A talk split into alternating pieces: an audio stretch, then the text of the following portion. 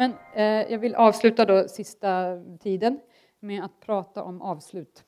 Slut. Nu står det ju inledning här, men man kan egentligen inte prata om slut om man inte också pratar om början, inledning. Och för mig så blir det då, på engelska kallar vi bookends.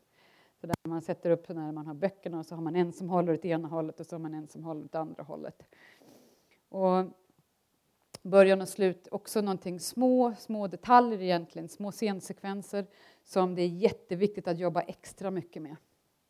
Verkligen titta på hur inleder jag, hur eh, avslutar jag? Och, eh, båda har en stor tematisk roll. Eh, inledan kan vi säga då, en av de här sakerna ni kan titta mer på hemma, är hur eh, börjar ge en känsla av de drivande huvudfrågorna, både dramatiskt och tematiskt. Hur tydliga vill jag att de ska vara i början? När vill jag få att publiken ska börja få ett hum om dem? Ska de komma samtidigt, tema, drama, eller ska det komma en här och en senare? Så det här är jättebra. Hur tydligt vill jag att det ska vara? Men jag vill prata mest om slut, för det älskar jag att tänka på slut, just för att det är så väldigt sällan man ser ett riktigt bra slut. Och nu menar jag inte innehåll, utan jag menar hur det hanteras. Så vad är slutets funktioner då? Jo, alla de här olika sakerna. Ehm, och på ett sätt, eh, så vi har en slags spegel här, spegel från början till slut. Vad nu slutet än handlar om så vet vi att på något sätt måste, är de här i förhållande till varandra. Första scenen, första sekvensen, sista scenen, sista sekvensen är i förhållande till varandra. Det går inte att komma ifrån. De behöver inte säga samma saker eller vara, utspelas på samma plats, men de står i förhållande till varandra och håller hela historien mellan sig. På något vis tycker jag att slutet i filmen, i manuset, måste adressera de stora drivande frågorna, dramatiska och tematiska. Man behöver inte svara på dem, men de måste relatera till dem. Och det är det vi ska titta på om en sekund något sätt så ger det också mer mening och perspektiv till allt det som har gått innan. Och en sak som jag tycker är väldigt intressant att tänka på är att, liksom att vad jag ser väldigt mycket att eh, många fattare är rädda att jobba med sina slut för att det är så sällan vi ser ett bra slut. Vi ser nästan alltid slut som är för lyckliga eller för olyckliga eller för tydliga eller för otydliga eller för banala eller för komplexa. För liksom, det är så svårt, eller det är inte så svårt faktiskt, men det är, vi ger oss inte själv tid till att jobba med slut på ett rätt mer konkret sätt. Och därför så liksom klipper vi av det rätt snabbt, för vi liksom, det här vill jag inte tänka på, det här var lite för svårt. Och därför så tror vi då att slut är alltid dåliga på något vis. Och jag hör det så många gånger. Nej, nej, jag vill ha ett öppet slut. Jag vill ett öppet slut. Jag vill inte berätta för mycket. Och det vill jag ge en, en övning om. För liksom jag känner att det är okej. Okay. Det är okej okay att inte ge ett tydligt, klart svar och vara banal på slutet. Men det är inte samma sak att ge ett tydligt, klart svar och vara banal. Utan det handlar om hur lämnar du berättelsen i publikens händer när, efter sista scenen. När liksom, um, vad händer då i det ögonblicket? För mig slutar inte manuset liksom, på sista sidan. För mig slutar manuset, filmen, när den landar i publiken. Och igen, vi kan ju inte kontrollera det eller veta, men ungefär hur vill jag att publiken ska känna just då i slutet, efter? Och hur vill jag ska känna efter två timmar och efter två dagar? Ska det liksom vara en samma känsla av att åh, vilken tur att det gick bra? Eller ska det vara en känsla av att åh, vilken tur det gick bra, men nej, det var ju jättedåligt. Hon gav ju bort hela sig själv. Liksom. Så kom ihåg att det finns en hel del efter sista sidan. Ja. Ja, jag håller på och skriver om min första bok. Du frågar om det finns några slut som är bra. Det är väldigt mycket en smaksak också. Men för mig känner jag ett slut som liksom hedrar hela filmen, historien ett slut som liksom vet vad det gör. Sen om jag tycker det är roligt eller inte. Men jag kan ju berätta, jag håller på att skriva om den här nya första boken för att uppdatera den, för det var tio år sedan den kom ut. Och den kommer ut igen nästa år, så jag tittar på lite andra filmer och då tänkte jag på den här, um, om ni har sett den, uh, Hunt for the Wilder People. Har ni sett en nyzeeländsk film? Uh, jätte, Hunt for the Wilder People. Uh, väldigt intressant.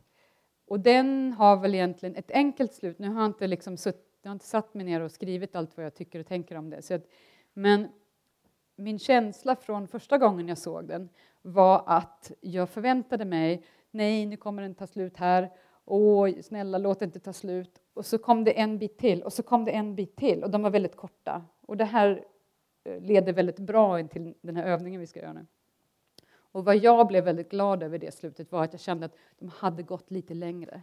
Inte i handlingen, utan att de visste vad det handlade om. De visste att det fanns fler möjligheter i slutet. De hade tittat på det. Och de bara sa inte nu är handlingen slut, hej då. Utan, utan de gick vidare in i den tematiska rörelsen. Och det för mig är ofta ett bra slut.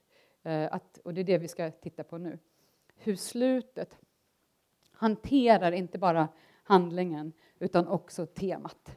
Om vi då säger eh, att det finns de här olika linjerna, resorna. Det finns en yttre resa för karaktärerna, en inre resa för karaktärerna. Det finns en informativ resa för publiken och en känslomässig resa för publiken. Vi vet att vi har stora, tydliga, dramatiska yttre och inre frågor.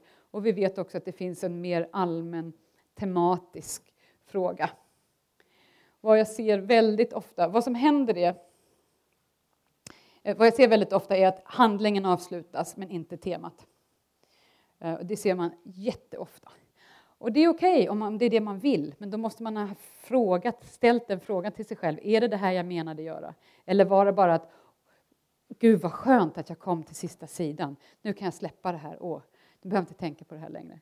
Och vad som ofta händer är att um, många författare, inte alls alla, men många, de skriver sitt manus kronologiskt. Vi börjar från början och så slutar vi på slutet och går aldrig in liksom nu ska jag, som jag gör, jag, nu ska jag jobba på sidan 50 här för den här scenen har bara liksom, står och tuggar hos mig, den här vill jag verkligen titta på. Nu vill jag jobba med slutet, jag skriver slutet först. Eller, nu vill jag titta på första vändpunkten även fast jag inte ens har skrivit första akten för jag vet, jag känner att det ligger något här som jag måste veta innan jag går och börjar skriva det, allt det här innan. Du kan, du kan hoppa hur mycket du vill, inte bara i manuset utan i din process. Gör som funkar bäst, gör som håller motivationen, energin vid liv. Um, men vad som händer när vi skriver helt kronologiskt är att när vi kommer som författare till slutet, då är vi slut. Vi är trötta. Vi är trötta, liksom, kanske har skrivit jättemycket, vi är också trötta och less på historien. Så vi vill bara liksom släppa taget. Det har jag i alla fall känt att jag sett många gånger. Liksom. Utan åh gud vad skönt att nu är det äntligen slut, nu kan jag bara släppa taget och skicka iväg den så får någon annan liksom, ta hand om det där. Om jag bara jobbar på slutscenerna när jag är slut, det är klart vi inte orkar liksom bearbeta det nog. Så jag skulle verkligen, eh, verkligen, verkligen, verkligen önska att alla, när de verkligen kände sig på topp, tog sina slutsekvenser och säger nu ska jag sätta mig ner och jobba med slutet. Och så kan man jobba om och så kan man jobba om och så kan man jobba om. Det är helt okej. Okay. Men kom ihåg att inte bara avsluta den yttre handlingen utan avsluta den inre resan, den inre, inre känslomässiga bågen för karaktärerna. Och också kom ihåg, var är publiken? Vad är slutet på publikresan?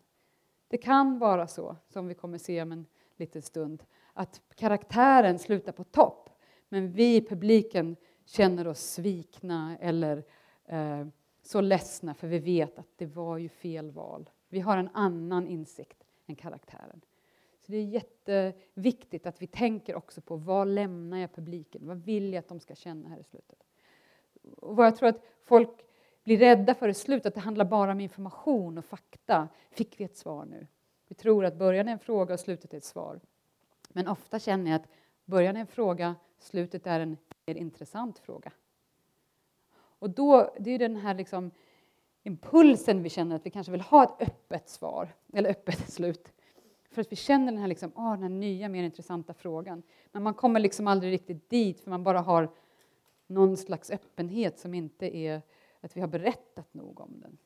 Så vi måste ju ta vårt ansvar också. Så jag tänkte en sista gemensam övning här som vi kan göra tillsammans. Då, en liten exempel. Det här kan ni också göra hemma på era egna projekt gärna. För i början när jag höll på att tänka på slut så tänkte jag, jo det finns ju bara tre slags slut. Det är det som är så svårt för mig. Att jag känner, det finns tusen miljoner olika sätt att inleda en historia, men det finns bara tre sätt att avsluta den. Det finns ja, nej eller kanske. Ja. eller lyckligt slut, tragiskt slut eller öppet slut, det här klassiska. Men sen började jag tänka lite mer på det här och liksom förnula med det. Och då kom jag fram att nej, det kanske finns minst fem olika typ av slut om jag tänker på det lite mer tekniskt eller analyserar det. Och då blev det mycket mer intressant för mig. Så om vi säger då att vi har en dramatisk huvudfråga som handlar om handlingen. I det här fallet handlar det om kan Maria fly från det våldsamma gänget hon varit del av? Hon, I 13 år har hon varit del av det här gänget, liksom supergemensamhet och massa spänning och roliga grejer, men mer och mer och mer våld som hon inte känner att hon kan Eh, stå för längre.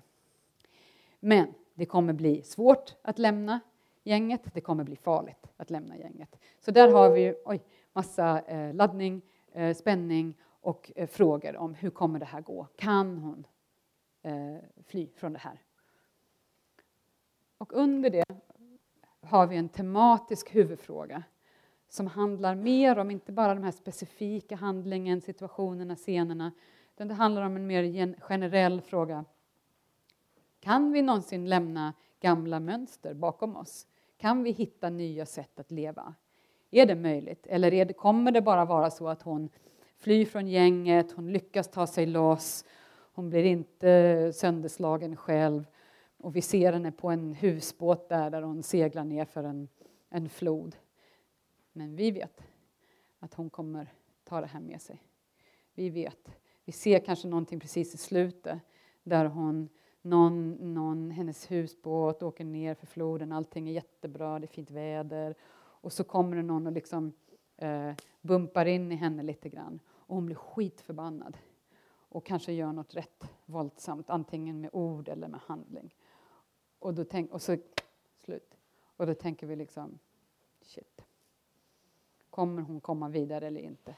Så vi besvarar ju vi, i alla fall, vi säger inte, vi ger inte svaret. Ja, hon kommer lämna sitt gamla mönster bakom sig och allting kommer bli bra. Men vi ställer frågan tydligt. Ja.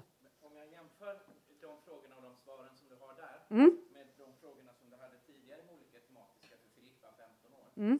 Så är Filippas frågor är, hur hittar jag mig själv? Hur mycket får jag lov att leva? Och vad betyder det att känna sig hemma? Mm. Jag undrar hur du liksom ställer Det i relation till det du säger nu? Det var en bra fråga. Jättebra fråga.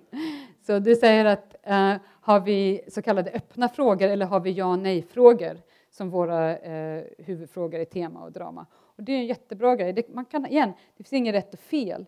Men om jag känner att det här är min fråga, kan Marja fly från det våldsamma gänget hon har varit del av? Det känner jag liksom, det här ger mig så mycket bränsle att jag kan hålla på i 15 månader till.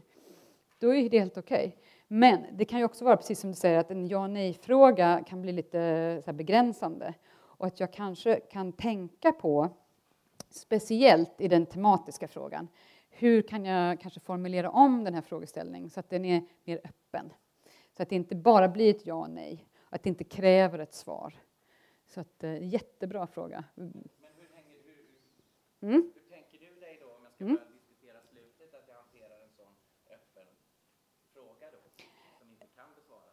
Okej, okay, så, kan jag, ah, ja, så vad händer när vi har mer öppna frågor? Men jag tar de här först och så ser vi om vi hittar Ja, jättebra. För det, det är allt relaterat. Jättebra. Så här har vi två ja och nej-frågor. Kan Maria fly från det våldsamma gänget? Kan vi någonsin lämna våra gamla mönster bakom oss? Så om vi säger här är fem olika möjliga slut.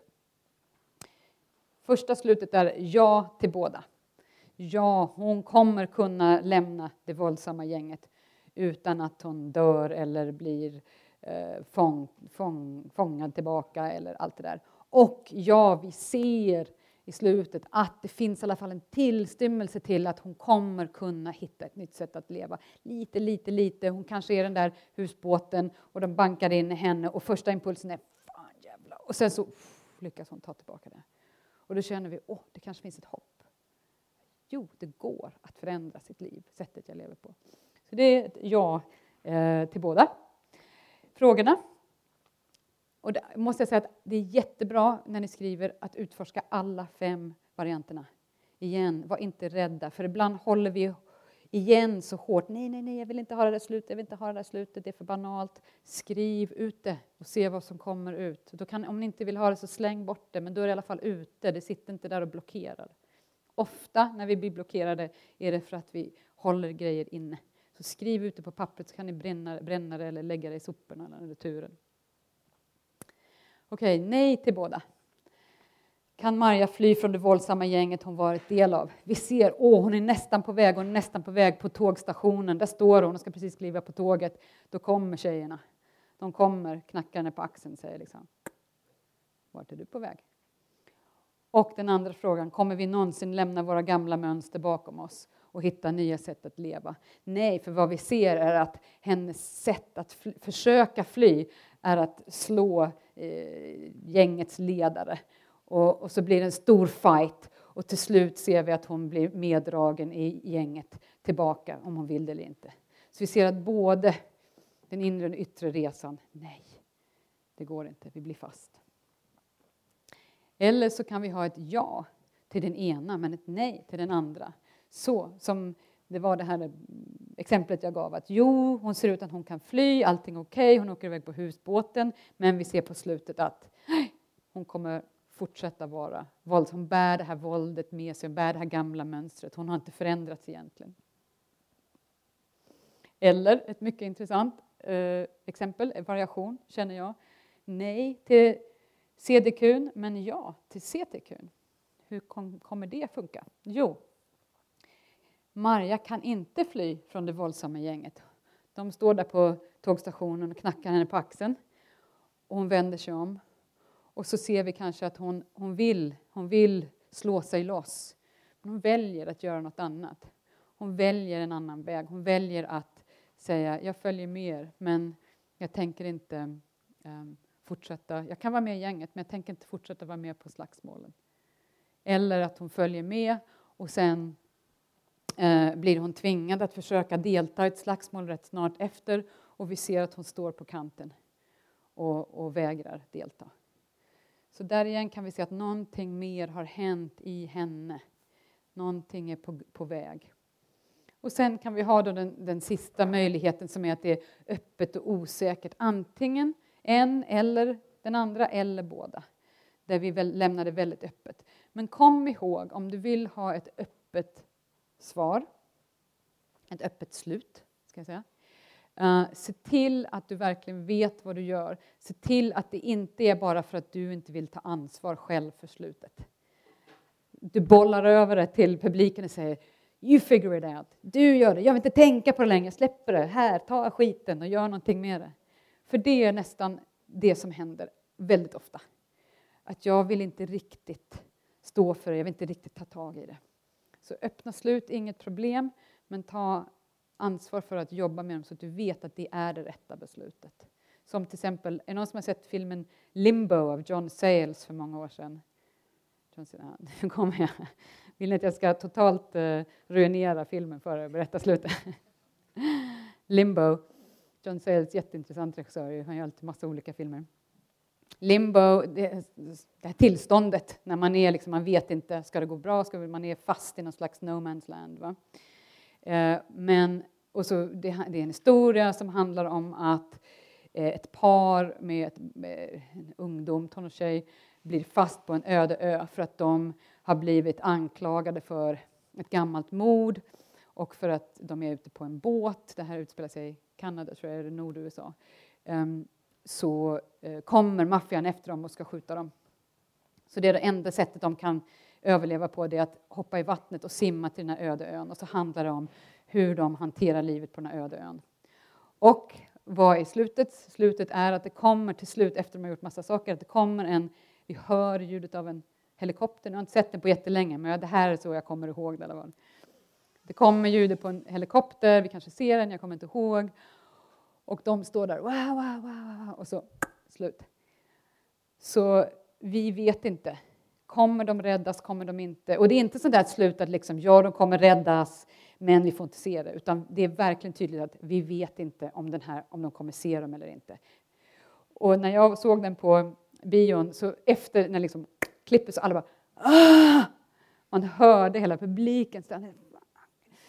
Um, men det var rätt häftigt ändå, för jag kände att det var ett öppet slut som verkligen tog ansvar för sig själv.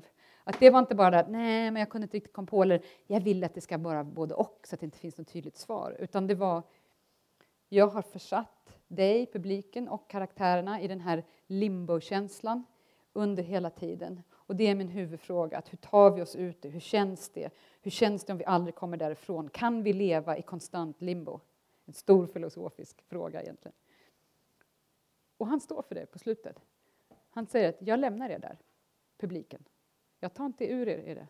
Karaktärerna kanske, kanske inte, men nu, ni, ni får vara kvar där ett tag till.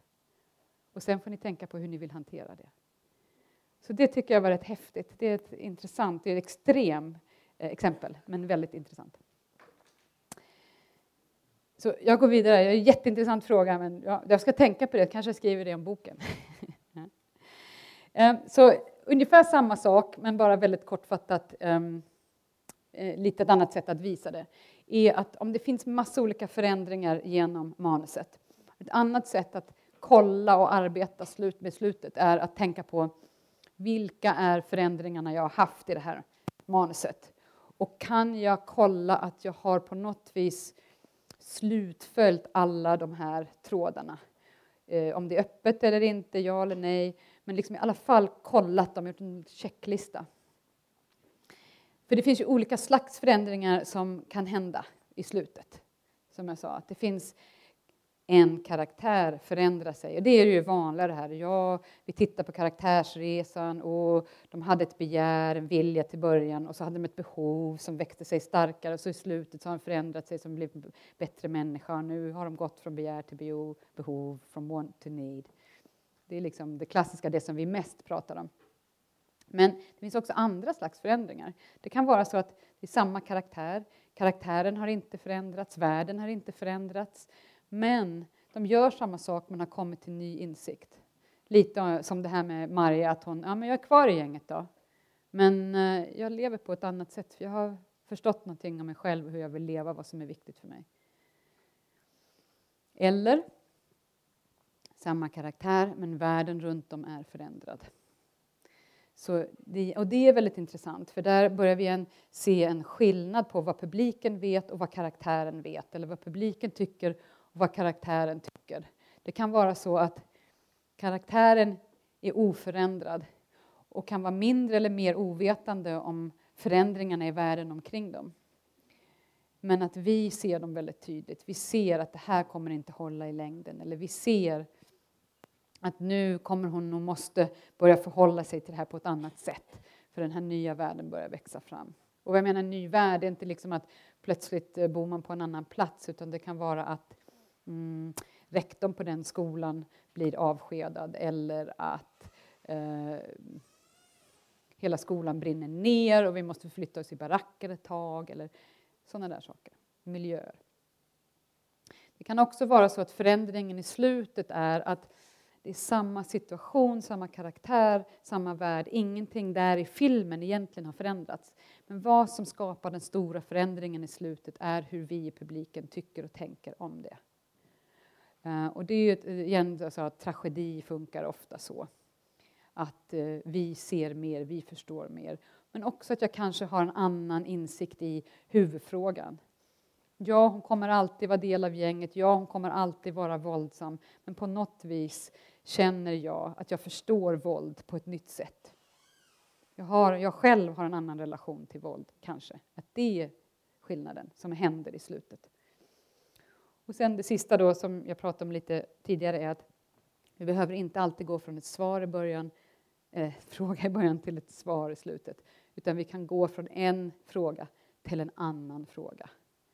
och att det kan vara en tydlig förändring genom hela manuset. Så att det blir, jag trodde att det handlade om hur kan jag känna mig hemma? Men det handlade faktiskt mycket mer om att hur får jag lov, hur mycket får jag lov att leva? Och då måste jag ju som författare kunna hantera de här skiftningarna. Liksom, när börjar den, vilken sekvens, vilken scen ska jag börja liksom droppa de här fröna in så att det kan växa fram och när vill jag dra upp och ner på volymen på de här olika frågorna.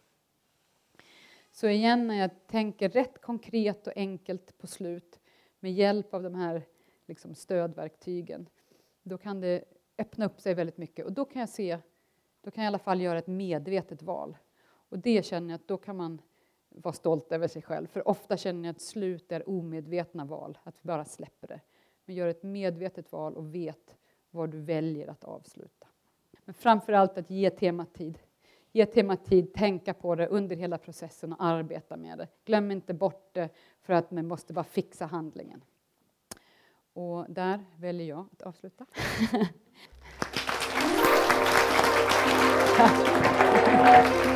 Wow. Tack så.